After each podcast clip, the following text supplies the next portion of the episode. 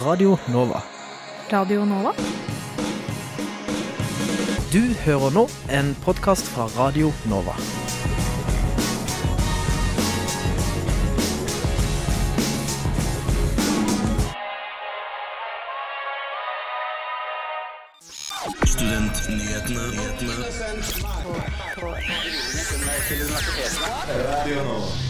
Hva syns studenter om kjønnspoeng? Dumpsterdiving kan redde lommeboka og miljøet. Vi får gode tips og triks ute på dumpsterdiving. Viagra og kvinner? Vi snakker med en sexolog og overlege ved Statens legemiddelverk. Kan en terapihund hjelpe mot eksamensstress? Frykten for koronaviruset er fortsatt i vinden om dagen. Vi har tatt en prat med norske Maiken, som er på utveksling i Kina akkurat nå. Og vi gir deg helgas værmelding. Hei, hei, og hjertelig velkommen til Studentnyhetene. Hei, hei. Hei, jeg heter Nora Torgersen, og med meg har jeg Anna Tørresen. Vi har en eh, veldig fin og spennende sending til deg i dag, så det er bare å lene seg tilbake og nyte. Aller først får du ukas nyhetsoppdatering.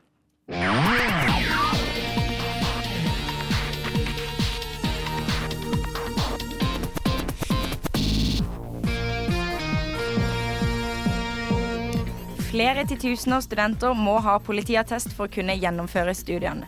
Men UNIT, Direktoratet for IKT og fellestjenester i høyere utdanning og forskning, er redd for at flere attester forfalskes. Dette melder Krono.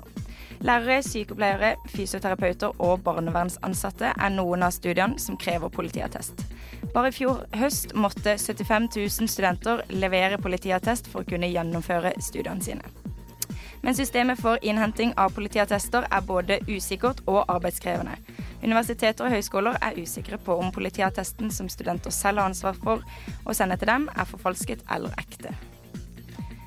Leder av universitets- og høyskoleutvalget, Helga Aune, leverte sin NOU 'Norges offentlige utredninger' med forslag til endringer i universitets- og høyskoleloven til eh, forsknings- og høyere utdanningsminister Henrik Asheim torsdag 13. Et av forslagene utvalget, eh, fra utvalget er å lovfeste at man ikke skal kunne være postdoktor i mer enn én periode. En periode kan vare fra to til fire år. Arnt Ove Hopland er professor på Norges handelshøyskole og en av flere som reagerer på forslaget fra Aune-utvalget. Han forteller at han selv måtte ha to runder som postdoktor for å kunne komme dit han er nå. Dette melder Krono. Det var ukas nyhetsoppdatering med Anna Tørresen.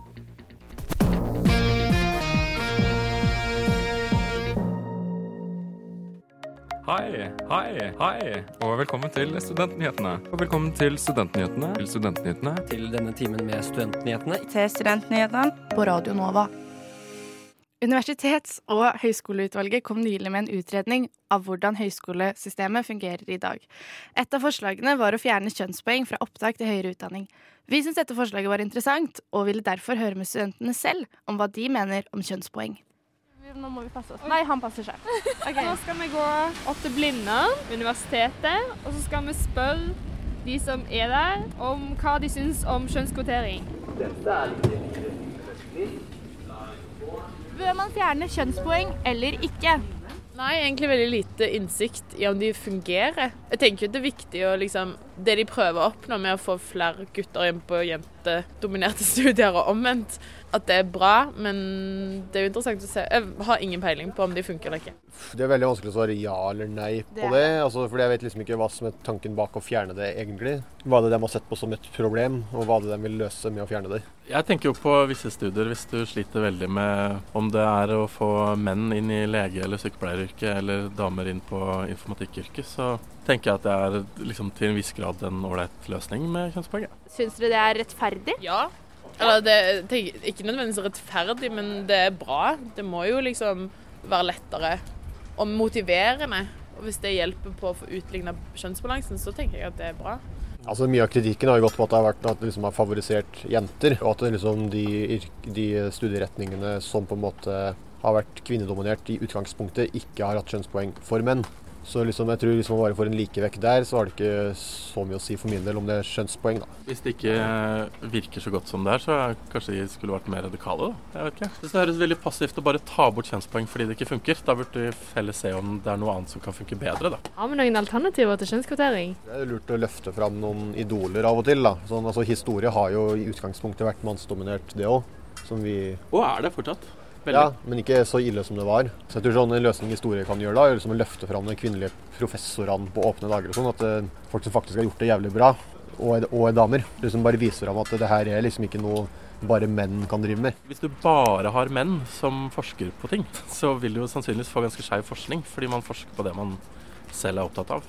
Hvis dere var eh, strandet på en øde øy, og dere kunne tatt med dere to personer, hvilke kjønn hadde de personene hatt? Kvotert til en øde øy? Man burde jo ha to som kan føde. Jeg er ganske sikker på at det hadde vært eh, to kvinner, for jeg funker absolutt best med kvinner. Jeg funker med menn òg, men eh, hvis vi skulle vært på denne øya resten av livet vårt, hvis det er for mye, så gjerne to kvinner. Ja, Samme her. Det har nok blitt to damer, ja. Da har vi én fødekvinne og én kjæreste. Så ga kjæreste begge, men mest min. Du har en kjæreste, men så har du òg en surrogat. Ja. Eller en, Som en livmor. passer på å holde det profesjonelt. Nødøy. Men som en au pair, på en måte. Au pair og fø føder. Ja. Skal føde selv òg, men bare, da får man produsert flere barn, og så blir det litt mindre innavl. Jeg skjønner ikke hvordan det har relevans for temaet. Det kan virke som at de studentene Line Rørvik og Nora Torgersen har prata med, ikke ser noen grunn til å fjerne kjønnspoeng. De syns også at det er hyggelig med det motsatte kjønn på en øde øy. Greit å vite. Forslaget fra utvalget er fremdeles bare et forslag, og det er ikke sikkert at kjønnspoeng vil bli fjerna. Mat og drikke er lovpålagt stempla med en best før-dato. Men er det slik at maten ikke er spiselig etter denne datoen? Vi sendte ut Helene og Henrik på dumpster diving med to personer fra akkurat dette miljøet for å få tips til å redusere matsvinn.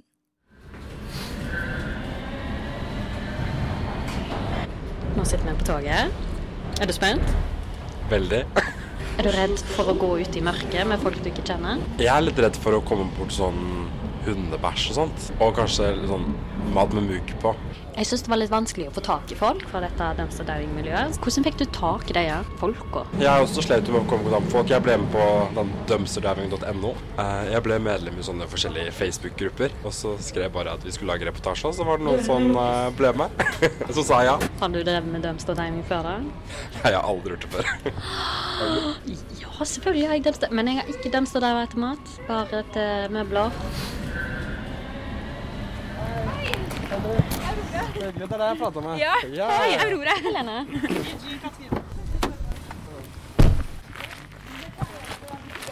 Vi pleier å liksom ta fra én søppelbøtte over i en annen. Og så er det viktig at vi gjør det med en annen i pose, hvis ikke kan det hende at vi sperrer flere dunker. Men her skal jeg bare grave litt, siden jeg har hansker. Sånn som oppi her nå, så ser vi jo masse da Mel.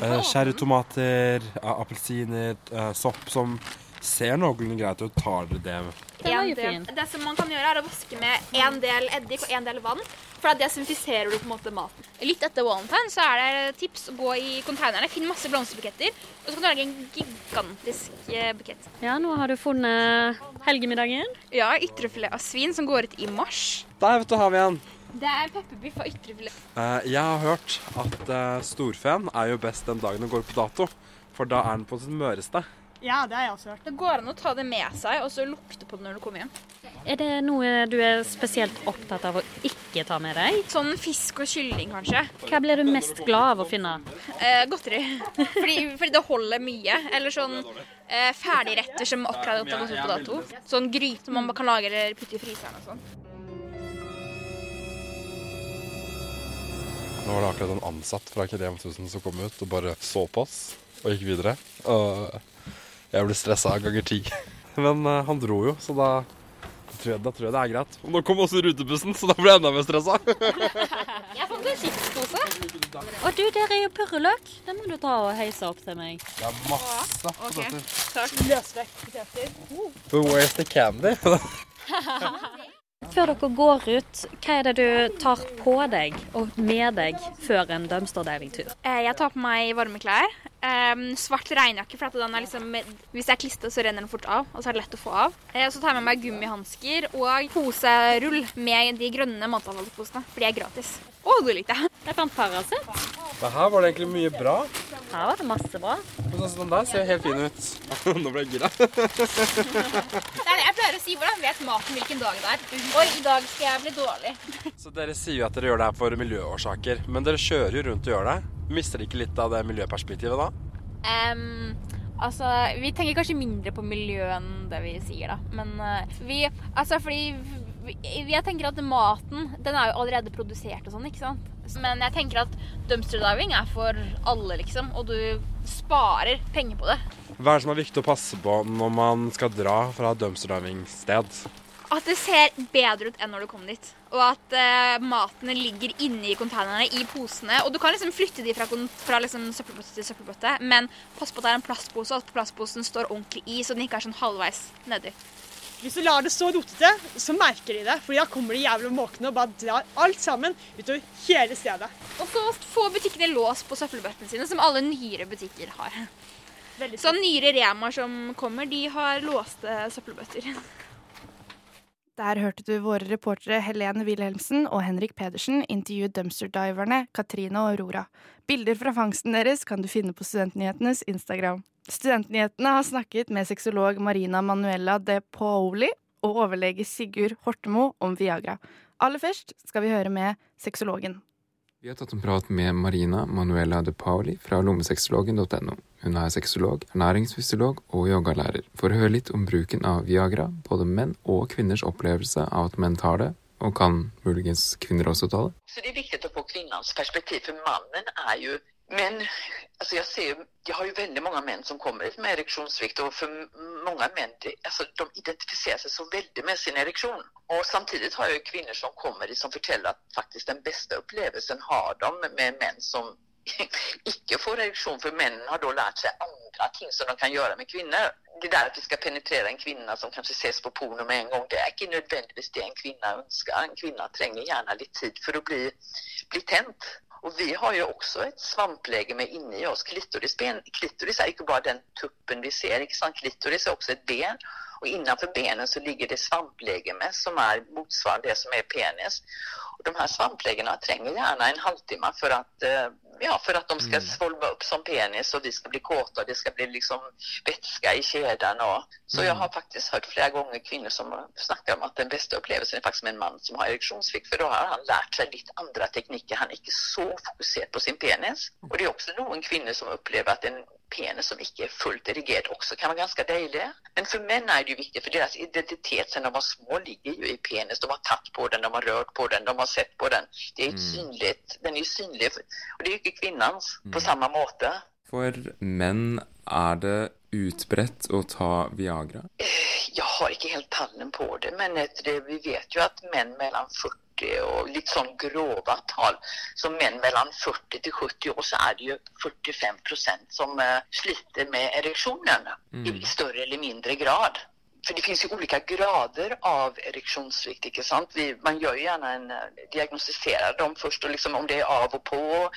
Man skiljer ju mellan fysisk, alltså kroppslig dysfunktion och eller om det är psykisk. För jag har ju män i alla åldrar, alltså den yngsta mannen som kommer till mig, han var faktiskt 18 år och den äldsta var över 80, inte sant? Och över 70 så räknar jo med att 37 procent av männen har erektionssvikt. Medan eh, man snackar om kanske 2 procent i en åldersgrupp på 40 till 49. Men jag ser ju att många av de männen som kommer till mig, de skulle ju ikke ha erektionssvikt för de är i en ålder från ja, 22 till 38 kanske. Många av de männen som kommer, där, är- där tror jag gärna det är psykologiskt. I tillegg informerer Manuela de Pauli om at muligens andre elementer som forårsaker at man ikke får penis opp, og at Viagra kanskje ikke alltid er løsningen. Det jeg tror som kan være en fare i det at om man faktisk får det nå, at man skiljer mellom ereksjonssvikt og lust, for man må faktisk ha lyst. Lysten må være til stede. Penis må bli stimulert på en annen måte. Det er ikke sånn at man får ereksjon av seg sjøl når du tar de her altså alltså typ Viagra, PDE, 5-hämmarna. Och det tror jag inte alla är klar över. Jag ser ju också en del män som kommer, de, alltså Viagra, Sildenafil fungerar inte för de har inte, det är någonting annat. Vi spurte også om Viagra kan fungere for kvinner. Det finns studier som säger att det faktiskt påverkar kvinnan, alltså ökad fuktighet i vagina och den svulmar och det kan påverka lysten på sex. Så det kan ju virka liksom men om... Jag tänker ju också att sexualitet är ju en inre kraft som vi i- ideellt sett ska komma i kontakt med utan preparater. I noen tilfeller er det sikkert bra og fint, men om man bruker det for at man ikke har lyst til å eller man syns det andre blir så veldig tar for lang tid. Og mange menn syns jo at det her forspillet er litt sånn krevende. Mm. Og en kvinne trenger jo gjerne et forspill som er litt lengre enn menn, for at hun skal være klar for å bli penetrert og virkelig kunne nytta det. Ja, der hørte vi vår reporter Stig Gørang Skogvang, som forresten også har bursdag i dag. Gratulerer med dagen, Stig. Vi hørte han snakke med sexolog Marina Manuela Di Pauli om menn og kvinners bruk av Viagra. Ja, skal vi begynne? Ja, Tenkte dere stua at jeg bare skal begynne, eller? Skal vi begynne? Det er bare å kjøre på. Vi trenger grønt lys. Det er Vi må jo, det er ikke så lett som det høres ut som. Studentnyhetene hver fredag på 11 til 12. På Radio Nova. De siste dagene har vi i Studentnyhetene observert tomme Viagra-hyller på apoteket. Sigurd Hortemo er overlege ved Statens legemiddelverk, og sammen med vår reporter Hege Williams snakker de om kvinners bruk av Viagra. Er det trygt å bruke, og hvorfor kjøper kvinner Viagra til å begynne med? Har du noen formening om hvorfor noen damer prøver Viagra?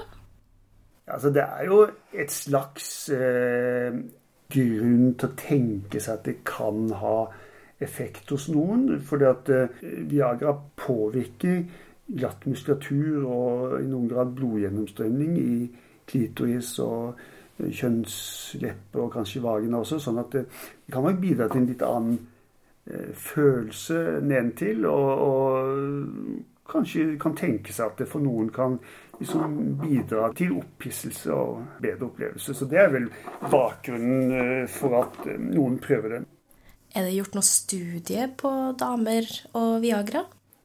Den største omfattet 800 kvinner som både var før og etter overgangsalder og hadde litt sånn forskjellige seksuelle problemer. Så fant man rett og slett ikke at eh, de som fikk sildenafil, eh, syntes sexlivet ble noe bedre enn de som fikk narrepille. Men ellers er studien litt sånn Resultatet fra studiene det varierer. Noen finner at det gir effekt. og noen finner det ikke. Og kanskje, kan kanskje nevne spesielt at det, er gjort en god studie blant kvinner som ikke var fornøyd med sexlivet mm, i forbindelse med at de sto på eh, antidepressive legemidler av typen SSRI. Og der eh, så man altså at eh, de som fikk Sinafil, hadde litt positiv effekt når det gjaldt dette med opphisselse og, og orgasme. Studiene er små, og, og resultatene varierer. Så det er f.eks. ingen land som har godkjent sildenafil for den type bruk. Kan Viagra hjelpe dersom man har noen sykdommer som reduserer sexlyst? Det kan ha noe positiv effekt eh, med nedsatt seksualfunksjon av andre grunner, som diabetes og, og MS og slike ting. Siden det er gjort så få studier om kvinner og Viagra, vet du om det har noe påvirkning av kvinnelige kjønnshormon som østrogen og progesteron? Nei, altså det, det eh, Også når kvinner tar eh, Sildenafil, det er testet også i noen av studiene, så har man sjekket det, og det, det påvirker ikke kjønnshormon. Ja, du nevnte jo noe om at man må være i seksuell akt da, for at eh, man skal få effekten av Viagra. Men da lurer jeg så på om at er det mulig å bli avhengig av Viagra?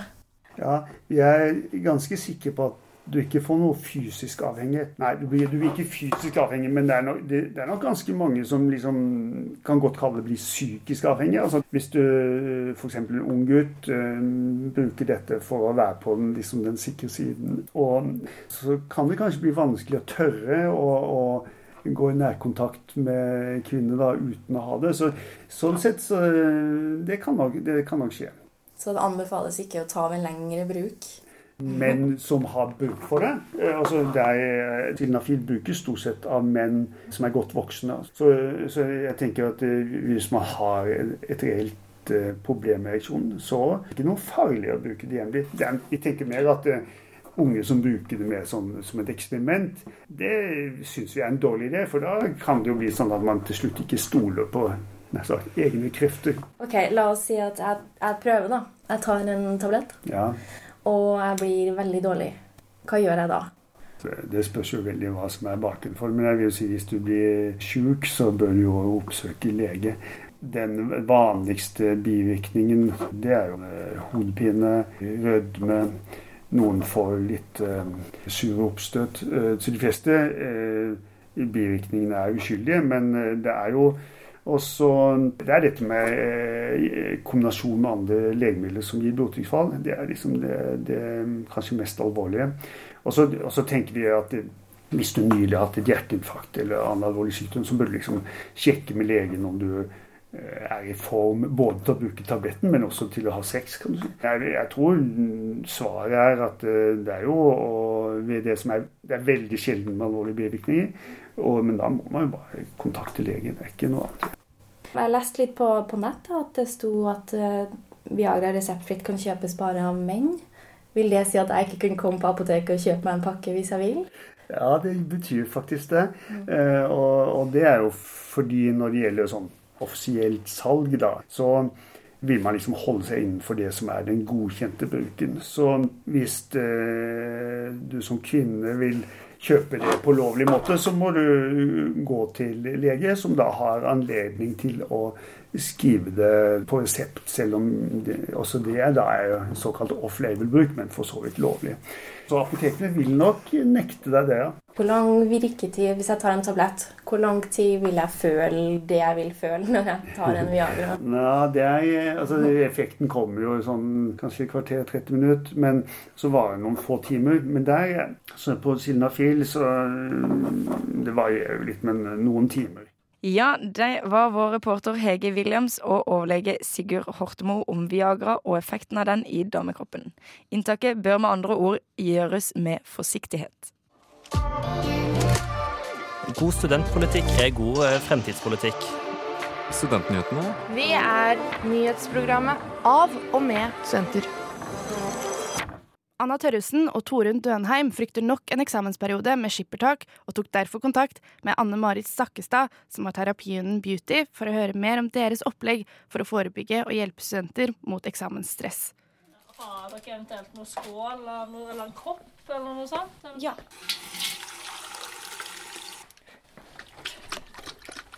Hun heter Beauty. Eh, Beauty er en border collie som blir snart ti år. Vi fikk besøk av terapihunden Beauty og terapihundfører Anne Marit Stakkestad for å høre litt om hvordan Beauty hjelper studenter i en stressende eksamensperiode, og hvordan man får tittelen terapihund. Det er en av de videreutdannelsene som en kan ta når en har tatt både besøkshund og terapihund. Så kan en ta en, en barnespesialisering, da, som da er retta mot det her som kalles lesehund. Og Da leser en for hunden, eller gjør lekser sammen med hunden. da. Eh, Hvordan hun kan ta utdanning, det er jo opp til eieren, selvfølgelig. Så en må jo ta kontakt med de eh, instansene som driver med utdanning. Og så må en ta sånne egnenhetstester for å sjekke om hunden egner seg, som er en slags mentaltest. da. Og så er det jo da utdannelse av oss som førere, med informasjon om forskjellig. Og så er det jo da visse ting hundene må kunne, da. Og praksis og alt mulig. Så lurte vi jo litt på med eh, dette opplegget som dere har. Hvordan er det det foregår, og hva er det det hjelper for? Hvis det er for studenter og sånt, så er det jo spesielt det her å få et avbrekk fra alt det kjas og maset som er rundt spesielt eksamen. Få noe annet å tenke på. Eh, og så vet en jo at det å klappe og kose på en hund, det er avslappende. Eh, Det er det jo studier på. Eh, og så er det litt gøy det her å være litt barnslig for en gangs skyld. Fordi hundene syns jo det, du er gøyest hvis du er litt barnslig. Så du har med litt sånn forskjellige leker og sånne ting. Skulle vi prøvd, prøvd litt på det opplegget? Stort sett så har vi sånne gruppegreier med maks fem studenter. Og da starter vi med kos, og så gjør vi litt sånn kroppsagility med litt sånn hopp og tunneler, og litt triks. Så dere kan jo få lov til å gjøre noe triks med beauty hvis dere har lyst til det. Ja, skal vi prøve? Ja, vi må prøve. Vi må prøve det. Jeg kan starte. Ja. Da har du noen godeser, godiser der. Gi beauty Ja. en godbit først, så hun vet Ok. at det er det hun skal jobbe med. Så jeg tenker vi kan starte med eh, slalåm mellom beina. Så da vil jeg at du tar en godbit eh, i venstre hånda di. Få den inn på de venstre sida.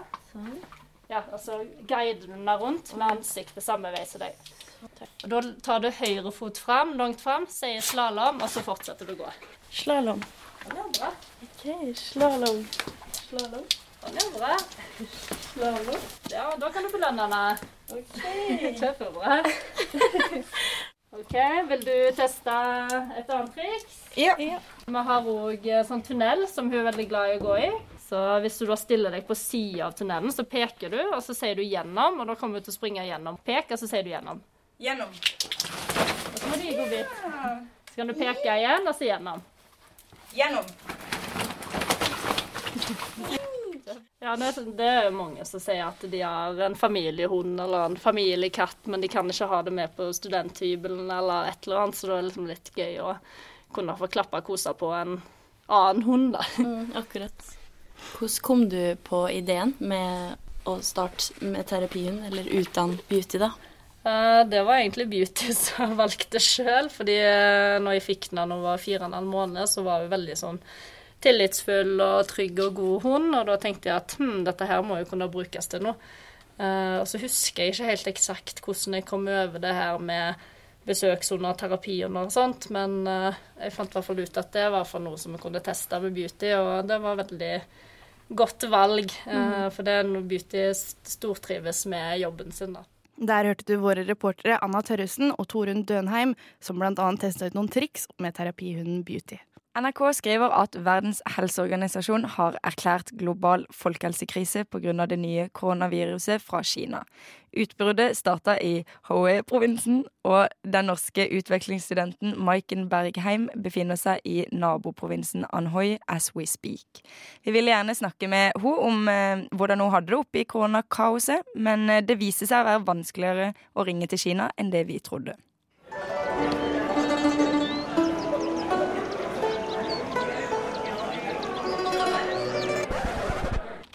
Hvor lenge har du vært der? Maiken Bergheim er utvekslingsstudent i Kina. Hun er det veldig vanskelig å ringe via eh, Skype. Hallo? Hallo? Hvorfor går ikke det? Og Snapchat og Messenger og vanlig telefon. Det er ingenting som funker. Maiken sier myndighetene strammer inn på tilgang til vestlige media, virker det som. Men eh, lydopptak sendt gjennom Messenger, det hadde ikke myndighetene tenkt på. Det er ganske spesielt. Det er litt som å være i en spøkelsesby. Alle har munnbind på. Hun studerer egentlig business-kinesisk og handel på Fudan-universitetet i Shanghai, men dro til Hufei i Anhui-provinsen for å feire kinesisk nyttår. Men da virusutbruddet viste seg å være så alvorlig som det er, så bestemte jeg meg for å bare, å bare bli her. Situasjonen akkurat nå er ganske spesiell. Gatene er helt tomme, selv om jeg for tiden er i en by med åtte millioner innbyggere. Alt av butikker er stengt, og skolestart er utsatt til ubestemt tid. Jeg er delvis isolert. Maiken forteller at i nabolaget hun bor i, reguleres det hvor mange ganger folk får gå inn og ut av nabolaget. Antall ganger det er lov, er tre ganger i uka. Men i realiteten så er det veldig lett å snike seg forbi vakta, så jeg tror at hvis man ville dratt ut mer, så kunne man lett gjort det. Når man da er utenfor hjemmet, går alle med munnbind. Ifølge Maiken er det ekstremt vanskelig å få tak i munnbind, og det er utsolgt i alle butikker overalt. Den eneste måten man kan få tak i det på, er via nettside, der man maks kan få fem munnbind i uka. Munnbindregistreringen er i gang klokka fem hver ettermiddag, og der gjelder det å være kjapp. Fem over fem så er det, det er helt tomt. Det er ikke det eneste munnbindet igjen. Smittefrykten er med andre ord stor i Kina nå. For å være ærlig så synes jeg det er bra at, at folk gjør alt de kan for å forhindre smitte, fordi det er så utrolig høy befolkningstetthet i Kina, og sykdom kan spres så lett. Så det er jo så klart ikke bra at folk er redd, men kanskje det er positivt at, at man i det minste kan forhindre smitte. Informasjonen Maiken og resten av innbyggerne får fra myndighetene nå, kaller hun et informasjonskaos. Jeg får utrolig mye varsler på telefonen min fra myndighetene, både på SMS og altså til og med bankappen min har begynt å sende meg varslinger om, eh, om å ikke gå ut døra, om å ha på munnbind, om å vaske hendene, og får oppdatering også om, om eh, sykdomstallene. I tillegg er det mye fake news om viruset på sosiale medier. Så det har vært litt sånn stressende å på en måte hele tida få sånn Hele tida få oppdatering, hele tida få informasjon, og så kanskje ikke alltid vite hva man kan stole på.